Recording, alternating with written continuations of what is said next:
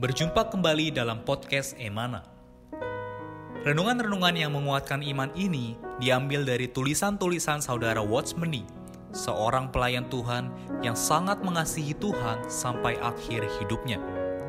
Semasa hidupnya, Tuhan memakai saudara Watchmeni untuk menyingkapkan banyak terang dan wahyu Alkitab. Di antaranya adalah mengenai salib, mengenai Kristus sebagai hayat, juga mengenai kesatuan tubuh Kristus. Kami berharap kehadiran podcast Renungan Emana, khususnya di masa pandemi virus hari ini, dapat menghibur dan menguatkan iman Anda. Podcast Renungan Emana dapat Anda dengarkan melalui aplikasi Emana dan Spotify. Anda dapat menghubungi kami pada nomor hotline Emana di 0851 5677 2397. Sekali lagi Anda dapat menghubungi kami pada nomor hotline Emana di 0851 5677 2397. Buku-buku saudara Watchmeni secara lengkap dapat Anda peroleh di toko buku Yasmerin, Tokopedia, Google Playbook, atau di website resmi yasmerin.com. Selamat menikmati seri renungan hari ini. Puji Tuhan, salam damai sejahtera, saudara-saudari, para pendengar podcast Emana sekalian. Kami bersyukur pada Tuhan minggu ini bisa kembali melayani saudara-saudari sekalian. Dan kali ini sudah bersama dengan saya, Saudara Kenny. Halo Saudara, puji Tuhan. Bagaimana kabar minggu ini? Halo Saudara Ade, puji Tuhan. Syukur yeah. pada Tuhan kita masih bisa berkoba secara online, kita yeah. secara podcast kita bisa sharing sedikit firman Tuhan. Amin. Semoga apa yang kita bahas hari ini bisa menjadi berkat bagi setiap para podcast. Amin. Ya, puji Tuhan, nggak terasa masuk di minggu yang kedua di tahun yang baru Semoga firman yang akan disampaikan benar menjadi berkat bagi saudara-saudari sekalian. Judul kita kali ini masih membahas mengenai makna konsekrasi. Namun kita akan membahas lebih detail, lebih dalam mengenai apa itu arti daripada konsekrasi. Ya, lebih dulu saya akan membacakan ayat firman Tuhan diambil dari kitab Keluaran pasal 29 ayat 1a. Inilah yang harus kau lakukan kepada mereka untuk menguduskan mereka, supaya mereka memegang jabatan imam bagiku. Puji Tuhan dari ayat ini, mungkin saudara kini bisa memberikan latar belakangnya terlebih dahulu. Ya, puji Tuhan, hari ini uh, kita ada kesempatan membahas satu perkara atau satu hak istimewa yang Tuhan sediakan, Tuhan berikan kepada setiap umatnya, yaitu konsekrasi. Jika kita melihat di dalam perjanjian lama, maka kata konsekrasi uh, khususnya ditulis di dalam Alkitab perjanjian lama adalah perkara ditakbiskan. Ya, ini saya rasa sudah dibahas di dalam podcast kemarin. Dan ayat yang barusan tadi saudara Adi bacakan yaitu di Keluaran pasal 29 ayat 1a. Ini adalah membicarakan bagaimana Tuhan memerintahkan untuk mengkhususkan, untuk menguduskan, yaitu Harun anak-anaknya, supaya mereka memegang jabatan imam bagi Tuhan. Ya. Amin. Dan kalau kita lihat di dalam latar belakang dari Harun dan anak-anaknya, uh, sungguh ini adalah sebuah hak istimewa. Uh, Tuhan memberikan sebuah keistimewaan untuk Harun dan anak-anaknya, dan Tuhan juga mengangkat mereka atau memberikan jabatan iman kepada mereka. Jadi inilah satu gambaran mengenai konsekrasi. Jadi uh, saudara-saudari para pendengar podcast, hari ini ketika kita bicara konsekrasi, maka kalau kita lihat dari sudut pandang dari Harun dan anak-anaknya, maka kita akan menyadari perkara konsekrasi itu bukan berdasarkan pada kemampuan kuat dan gagah kita. Tapi semuanya adalah karena rahmat Tuhan, Amin. karena kemurahannya, seperti Rasul Paulus kan berkata bahwa karena Tuhan, karena Allah kita adalah Allah yang bermurah hati, maka kita bisa menjadi orang yang mempersembahkan diri kita kepada Tuhan. Nah, namun di dalam uh, khususnya di dalam gambaran Harun dan anak-anaknya kita akan melihat lebih jelas sebenarnya konsekrasi itu apa.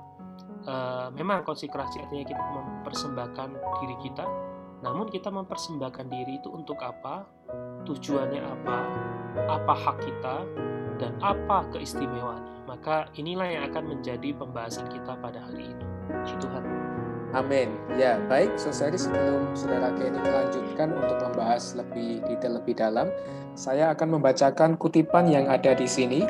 Dikatakan demikian, hanya tergerak oleh kasih atau hanya mengenal hak yang sah, itu belum berarti sudah melakukan konsekrasi. Kalau kita telah digerakkan oleh kasih Tuhan dan telah menyadari hak Tuhan, maka seharusnya lah kita melaksanakan sesuatu memenuhi suatu prosedur, yakni menaruh diri kita pada kedudukan yang baru. Karena kita telah digerakkan oleh kasih Tuhan dan telah dibeli oleh Tuhan dengan harga yang mahal, maka wajarlah kita menyisihkan diri dari segala sesuatu sambil menyerahkan diri kita kepada Tuhan. Inilah yang disebut konsekrasi. Amin. Amin. Dari kutipan ini Saudara Kini bisa menjelaskan lebih detail lagi? Ya, uh, seperti tadi saya katakan bahwa hari ini kita akan mengambil Harun dan anak-anaknya sebagai satu contoh atau teladan sehingga kita memahami apa makna konsekrasi. Uh, dari kutipan yang tadi saudara Ade bacakan, kita melihat makna konsekrasi yang pertama kita bahas hari ini adalah persembahan diri atau konsekrasi yang dilakukan oleh umat Allah dikarenakan kita hati kita digerakkan oleh kasih Allah dan kita mengenal hak yang sah. Amin. Uh, sungguh ini adalah satu hal yang ajaib ya. Kita punya Allah yang maha, Dia maha kuasa, Dia adalah maha ada, Dia adalah pencipta, Dia adalah pemilik kita tetapi dia mau ya memberikan kita hak untuk melayani dia, untuk mempersembahkan diri kita kepadanya. Sesuai dari kita bisa bayangkan, sebenarnya apa sih yang kita miliki yang patut kita persembahkan pada Tuhan? Ya. Jika kita membandingkan diri kita dengan Tuhan, seharusnya kita sadar kita ini nggak ada satupun yang bisa dipersembahkan. Tetapi Tuhan dengan kasih. Dia terlebih dahulu justru mengorbankan dirinya untuk kita. Supaya apa? Supaya kita digerakkan. Karena itu saya bisa katakan bahwa hari ini jika ada ada orang Kristen, ada seorang pun yang menganggap wah saya belum uh, waktunya mempersembahkan diri kepada Tuhan. Saya bisa berkata orang yang demikian adalah orang yang belum menerima terang sehingga dia menjadi sombong dia tidak melihat keistimewaan, dia tidak melihat sebuah hak yang sah yang Tuhan berikan sehingga kita boleh mempersembahkan diri kita. Sebenarnya, boleh konsekrasi itu adalah sebuah keistimewaan. Kita harusnya tidak layak, tetapi Allah melayakkan kita. Amin. Karena itu, setelah kita mendengar ya podcast hari ini di makna yang pertama, marilah kita mempersembahkan diri kita Mari kita melakukan konsekrasi dengan sukarela, dengan sukacita. Puji Tuhan. Amin. Puji Tuhan. Baik, Saudari, kita akan bersama-sama melihat makna yang kedua dari apakah itu konsekrasi. Namun sebelum itu, saya akan kembali lagi membacakan kutipan yang ada di sini. Inilah yang disebut ditahbiskan dalam perjanjian lama. Mentahbisan berarti menerima jabatan untuk melayani Allah. Jabatan ini kudus. Jadi, konsekrasi berarti menerima jabatan untuk melayani Allah. Pernyataan kita kepada Tuhan ialah, "Ya Tuhan, karena Engkau telah mengasihi aku, maka aku kini menyisihkan diri dari segala sesuatu untuk melayani Tuhan saja." Amin. Saudara ini di sini kita melihat ada satu frase pentahbisan ya. Ini bisa dijabarkan lagi lebih detail dan jelas. Amin. Jadi Alkitab di dalam perjanjian lama ketika membicarakan seseorang dikhususkan, dikuduskan, untuk melayani Allah, yaitu menerima jabatan imam, maka kita berkata ini adalah sebuah pentahbisan atau ditahbiskan. Ini adalah makna dari konsekrasi. Jadi, sesaudari kita menyadari makna kedua dari konsekrasi adalah kita menerima jabatan untuk melayani. Ini adalah bukan jabatan satu jabatan yang hanya sekedar menjadi satu kedudukan, kebanggaan, kita punya kuasa bukan, tetapi ini adalah hak istimewa sehingga kita bisa melayani Allah kita yang hidup dan yang benar. Nah, ketika kita bicara menerima jabatan ini, saya ingin menyinggung apa sih sebenarnya kita konsekrasi? Konsekrasi itu sangat terlihat dalam kehidupan kita. Jadi ketika kita bicara makna konsekrasi adalah menerima jabatan melayani Allah, maka ini adalah bicara memiliki kehidupan melayani Allah. Memiliki kehidupan melayani Allah artinya apa? Artinya yang terutama adalah diri Allah, kehendak Allah. Ini sangat bisa dilihat dari cara hidup kita. Jika kita adalah orang yang mempersembahkan diri, maka kita dalam hidup kita, kita akan mempersembahkan waktu yang terbaik hanya kepada Allah yang kita layan. Kita akan mempersembahkan diri kita, semua yang terbaik hanya kepada Allah. Jadi ketika bicara makna konsekrasi, ini bukan sekedar hanya sebuah ucapan, sebuah lip service bukan. Tapi ini harus ditunjukkan di dalam kehidupan kita menjadi orang yang melayani Allah. Ini adalah makna yang lebih dalam. Amen. Bukan sekedar hanya merespon kasih Allah, bukan sekedar hanya melihat satu hak istimewa, tetapi bahkan menempuh satu kehidupan melayani Allah. Inilah konsekrasi. Amin. Puji Tuhan, saudari kita melihat makna konsekrasi yang lebih dalam tadi bahwa konsekrasi adalah kita menempuh satu kehidupan yang melayani Allah. Baik, setelah ini kita akan melihat makna konsekrasi yang terakhir, yang ketiga. Namun lebih dulu saya akan kembali membacakan kutipan yang ada di sini. Setelah itu nanti saudara ini akan memberikan kesimpulan dari kutipan ini. Dikatakan demikian, konsekrasi adalah Allah memberi kemuliaan dan keelokan kepada Anda. Allah memilih dan mengizinkan Anda melayani Dia. Kita seakan-akan boleh bermegah bahwa kita memiliki Tuhan yang demikian. Tuhan mempunyai seorang hamba seperti aku ini. Apa yang mengherankan? Yang mengherankan justru aku telah memiliki Tuhan yang demikian ini. Kita harus nampak bahwa konsekrasi berarti kita terpilih. Amen. Ya, Tuhan. Di dalam makna yang ketiga ini kita melihat ada perbedaan sedikit ya. Kalau kita bandingkan di dalam makna konsekrasi yang pertama, itu adalah dimulai dari seakan-akan dimulai dari diri kita. Karena kita tergerak oleh kasih Tuhan, kita mengenal hak yang sah, maka kita melakukan konsekrasi. Ini sepertinya adalah demikian. Oh, hari ini kita bisa mengasihi Tuhan karena memang kita digerakkan oleh kasih Tuhan. Lalu kita boleh menempuh satu kehidupan yang mengasihi Tuhan melayani Tuhan. Tapi pada akhirnya, ketika kita semakin menempuh kehidupan melayani Tuhan, melayani Allah yang kita kasih, sungguh-sungguh mengasihi Dia, kita akan menyadari ternyata kita melakukan konsekrasi sebenarnya dimulai dari Allah yang memilih kita terlebih dahulu. Dialah yang memilih kita sehingga kita hari ini bisa melayani Dia. Ini menunjukkan bahwa orang yang konsekrasi, semakin dia menempuh kehidupan konsekrasi, dia semakin melihat dirinya tidak layak, dan dia semakin melihat betapa mulia, betapa agung, betapa ajaib Tuhan yang dia layani. Itulah sebabnya, seperti Rasul Yohanes berkata, biarlah aku semakin kecil, kecil tetapi dia, yaitu Kristus Tuhan, semakin besar.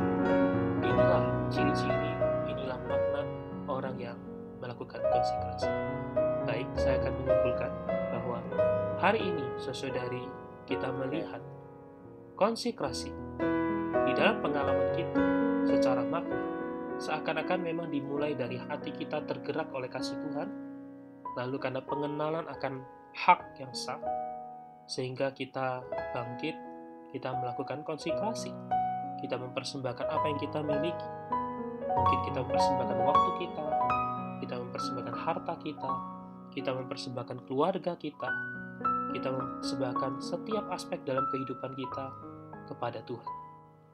Lalu, karena kita melakukan konsekrasi, maka kita tidak hanya sekedar mengucapkan, tidak hanya sekedar mempersembahkan satu momen saja, satu saat saja, tetapi dari saat ke saat kita menempuh satu kehidupan konsekrasi, yaitu kita menerima jabatan sebagai imam untuk melayani Allah. Kehidupan kita adalah melayani Allah. Kita membangun keluarga untuk melayani Allah. Kita bekerja untuk melayani Allah. Kita hari ini melayani di dalam pelayanan gereja juga adalah untuk melayani Allah. Semuanya kita lakukan adalah untuk Allah, bagi kehendaknya, bagi kemuliaan. Dan pada akhirnya kita akan menyadari, oh kita bisa melayani Allah bukan karena kemampuan kita, tapi kita menyadari semuanya adalah belas kasihan Tuhan. Semuanya adalah karena Dia yang terlebih dahulu memilih kita. Sehingga pada akhirnya, sebagai orang yang berkonsekrasi, kita akan bisa menyimpulkan, Tuhan, aku semakin kecil, tapi Engkau semakin besar. Inilah makna konsekrasi. Karena itu saya mendorong saudari semua. Hari ini, mumpung Tuhan masih memberi kita nafas hidup, jangan sia-siakan hak yang sah yang Tuhan berikan. Bangkitlah dari keadaan Anda yang ini. Mari kita menetapkan hati kita untuk melayani Allah kita. Mari kita menempuh satu kehidupan melayani Allah. Amin. Terakhir, mari kita bersama-sama.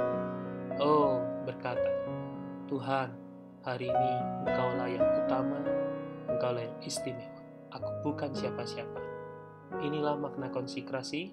Semoga konsekrasi bukan hanya sekedar sebuah pembahasan, tapi konsekrasi menjadi model kehidupan kita semua. Mulia bagi Tuhan. Amin. Puji Tuhan, terima kasih untuk penjelasan yang sangat penuh berkat, Saudara Kenny. Semoga ini menjadi dorongan bagi kita sekalian, saudari, untuk bangkit. Kita menghargai hak istimewa yang Tuhan berikan kepada kita. Kita mengkonsekrasikan diri kita. Kita menjadi orang Kristen yang melayani. Baik, sebagai kesimpulan dari podcast kali ini, di dalam kasih, saudari, kita akan berdoa dengan saudara Kenny. Amin. Mari kita sama-sama berdoa. Amen. Tuhan kami bersyukur Ya. Engkaulah Tuhan yang mengasihi kami. Di dalam kasih, Tuhan Kau menggerakkan kami.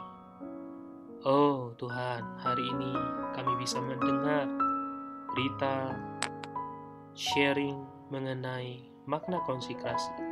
Ini juga satu bukti menunjukkan bahwa Tuhan Kau mengasihi kami. Tuhan, kami tidak hanya mau mendengarkan firman-Mu, tapi kami juga mau menjadi pelaku firman. Amin. Tuhan, gerakkanlah hati kami, sehingga hati kami bangkit, Amin. hati kami bergairah, Tuhan, untuk mempersembahkan diri kami hanya kepada Tuhan. Amin.